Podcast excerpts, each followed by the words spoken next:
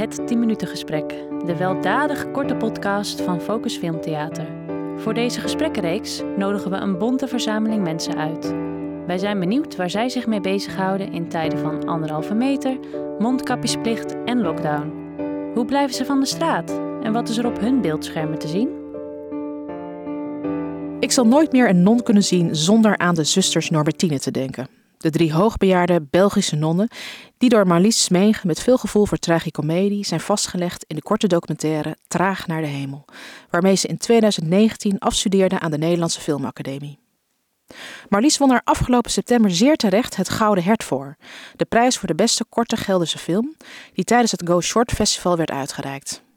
Ook deze schijnbaar eindeloze lockdown zal een keer voorbij zijn en dan nodigen Marlies graag uit om haar film nog een keer te laten zien aan het Arnhems publiek en erover te praten, wat Marlies ontzettend goed en geanimeerd kan. Dat zal dan ook een soort thuiswedstrijd zijn, want Marlies groeide op in Arnhem. Haar Marlies, goed je te spreken. Hoe is het? Hallo, ja prima, prima. Ik uh, kijk uit over een besneeuwd Amsterdam. dus het leven is mooi. Wordt er al geschaatst op de grachten? Uh, nee, die liggen nog niet dicht volgens mij. Ah. Nee. nee. Ik las ook gisteren dat er een of andere boot ook uh, doorheen gevaren is. Uh, tot afschuw van veel ijsliefhebbers. Als er ijs in ligt, ga je dan schaatsen? ja, dat was wel de bedoeling om dat morgen even te gaan doen, ja. ja. Nou, waar ik zeer benieuwd naar ben, is hoe jij ehm, deze, dit afgelopen jaar door bent gekomen. Even kijken, dit afgelopen jaar. Um, ja, vorig jaar om deze tijd, toen de lockdown ongeveer begon, toen uh, was ik net klaar met het filmen voor mijn toen volgende documentaire, The Ballet of Service. Uh, die hadden we opgenomen in Zuid-Limburg. En um, het, ja, het was toen nog zo, er waren in het dorpje waar we hadden gefilmd een aantal coronabesmettingen. En dat was toen nog een soort van grappig. en toen ging een week later het hele land op slot.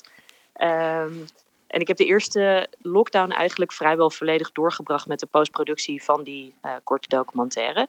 Uh, dus we hebben gemonteerd op afstand en gesounddesigned met uh, nou ja, zes meter tussen mij en de sounddesigner in. de muziek moeten opnemen terwijl alle opnamestudio's in Nederland gesloten waren. Dus dat was, was een ontzettende uitdaging allemaal. Kun je nog één keer de titel noemen van deze film? The Ballet of Service. En waar gaat die over? The Ballet of Service gaat over de International Butler Academy in Zuid-Limburg. En uh, het is een beetje een, het is een korte documentaire van 15 minuten. Dus het is een, uh, een, een, slice of life van een klein gedeelte van de uh, tien weken die het opleidingstraject aan de Butler Academy duurt. En we, ja, we, zien, we zien een groep van, een, van, ik geloof iets van 15 butlers die ja, het opleidingstraject doormaakt in een landhuis in Zuid-Limburg. Hoe kom je hierop?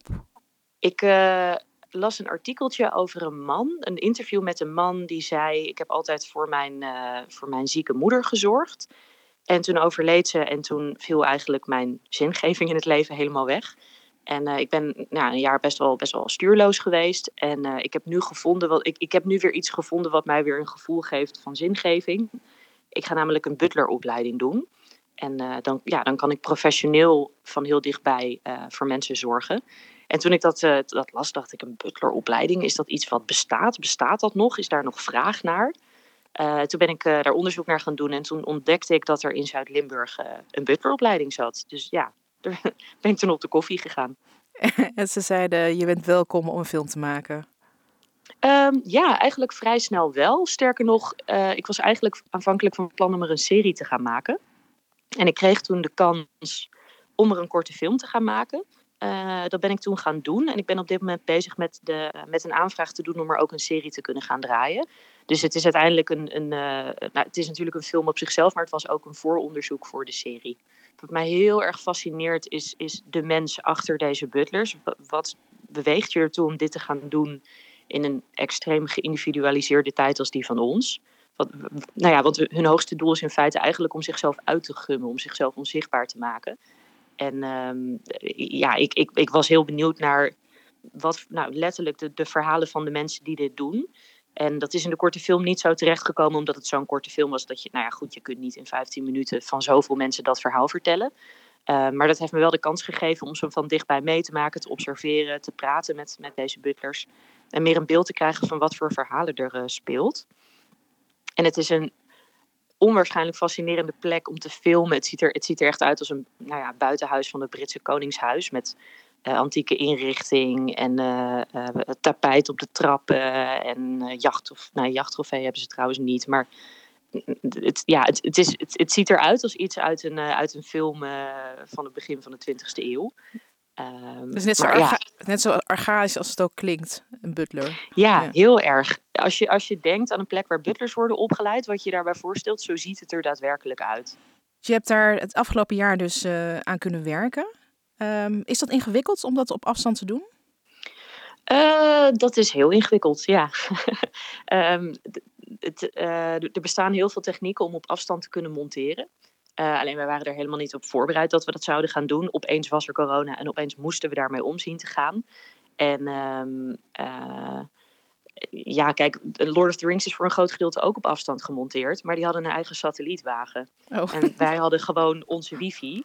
En uh, nou ja, dan, dan zit je wel met een gedeeld scherm mee te kijken met de editor. Alleen, nou ja, de verbinding is niet sterk genoeg om je als je samen een sequentie afkijkt, meer dan één frame per vijf seconden te tonen. Ja, nou ja, succes daarmee om dan een sequentie te monteren met goed getuinde muziek die op bepaalde cues moet komen. Um, dat, is, dat is ontzettend lastig. Ja, het klinkt als een enorme uh, uitdaging.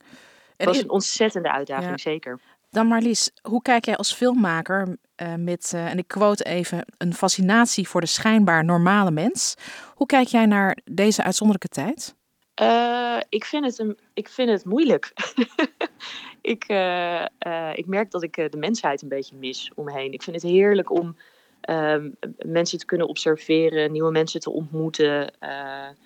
Um, nou ja, in de wereld te zijn en dingen mee te maken en dingen te ontdekken die ik nog niet eerder zag of hoorde.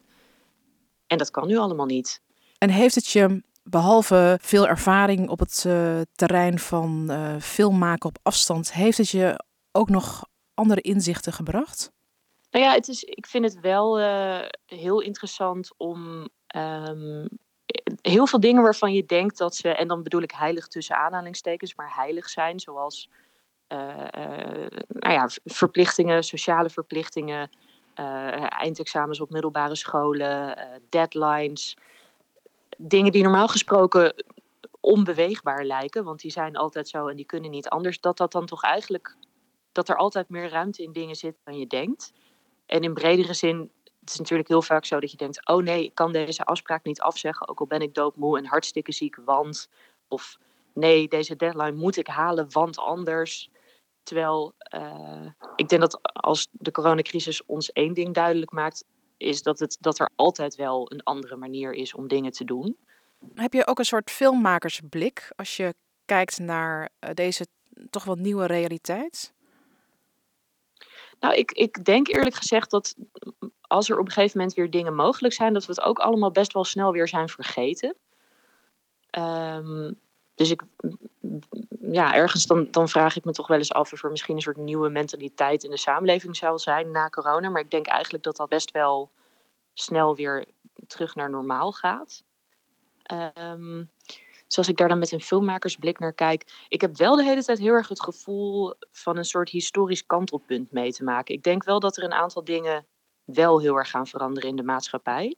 En ik heb het idee, ik kan me heel goed voorstellen dat we een soort nieuwe nou ja, misschien dat dat niet letterlijk in de zomer plaatsvindt, maar dat we een soort nieuwe Summer of Love ingaan, waarin uh, uh, iedereen zoals in de Roaring Twenties het er ontzettend van neemt, zeg maar. Ja. Uh, en, en dat, dat, ik, dat, dat is natuurlijk wel ontzettend interessant. Ik bedoel, ik heb altijd alleen maar films gezien over Woodstock of over een mm -hmm. heleboel andere dingen.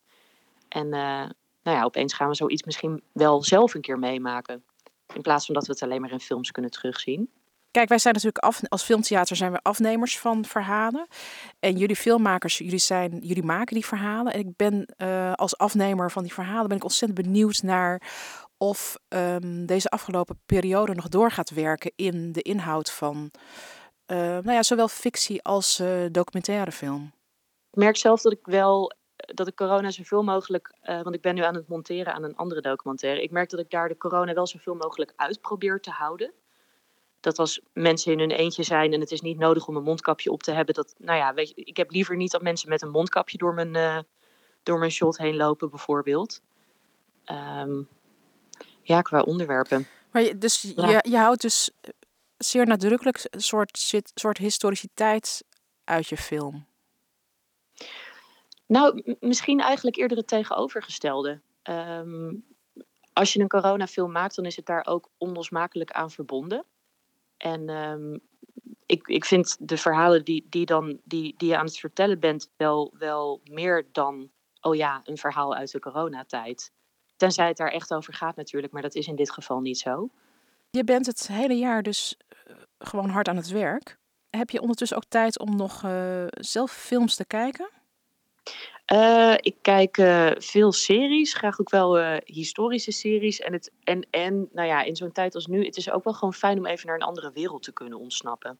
Dus iets als, even kijken, wat ik nou recentelijk zitten kijken. Ja, The Queen's Gambit heb ik bijvoorbeeld heel erg van genoten. Um, ik ben nu een serie aan het kijken die zich tijdens de Tweede Wereldoorlog in een ziekenhuis in Duitsland afspeelt. Um, dus nou ja, ik, ik, momenteel worden mijn film- en seriekijkkeuzes heel erg uh, bepaald door een, uh, een soort vorm van escapisme. Als deze coronatoestand voorbij is, wat, wat is het eerste wat je gaat doen? Nou ja, een van de dingen waar ik. Ik, ik, ik vind festivals en, en grote evenementen met veel mensen vrij verschrikkelijk. Ik heb altijd het idee dat ik overal honderdduizend interessante dingen aan het missen ben. Um, maar ik moet zeggen dat dat toch wel iets is waar ik heel erg naar verlang. Met een, met een, uh, met een grote groep mensen met z'n allen tegelijkertijd iets meemaken. En dat mag ook een première van een film zijn, maar dat mag ook een, een optreden zijn of een cabaretvoorstelling of uh, zoiets. Maar in ieder geval met een grote groep mensen iets meemaken en de nabijheid om je heen merken van al die mensen. En, en nou ja, dat dan misschien niet eens de grap van de cabaretier fantastisch is, maar de als een hyena lachende mevrouw achterin dan weer voor een lachsalvo zorgt. Al dat soort fijne, fijne onverwachtsheden. Daar, uh, dat, ja, dat, dat soort dingen wil ik heel graag weer gaan doen als corona voorbij is. Of voorbij, nou ja. Dat is dan misschien te optimistisch als we er meer controle over hebben. En ik hoop natuurlijk dat we dan ook weer de kans krijgen om jouw uh, films uh, gewoon in de zaal te kunnen zien. Wat de geëigende plek is, denk ik. En ik hoop ook dat we dan in staat zijn om, uh, om je uit te nodigen om uh, over je films te komen praten. Um, ik dank je heel erg hartelijk voor dit gesprek en ik wens je enorm veel succes. En uh, dat je de resterende tijd, um, ik schat in zo tot de zomer, dat je de resterende tijd goed doorkomt. Dankjewel, dankjewel. Ik heb heel veel zin om het te komen laten zien in Arnhem. Leuk. Ja, hartstikke leuk. Oké, okay, tot ziens. Tot ziens. Grote dank voor het luisteren naar dit 10 minuten gesprek. Het 10 minuten gesprek is een productie van Focus Filmtheater. Hans Pfeiffer is verantwoordelijk voor de techniek en de muziek is gemaakt door Piotr Lansink. Graag tot de volgende keer.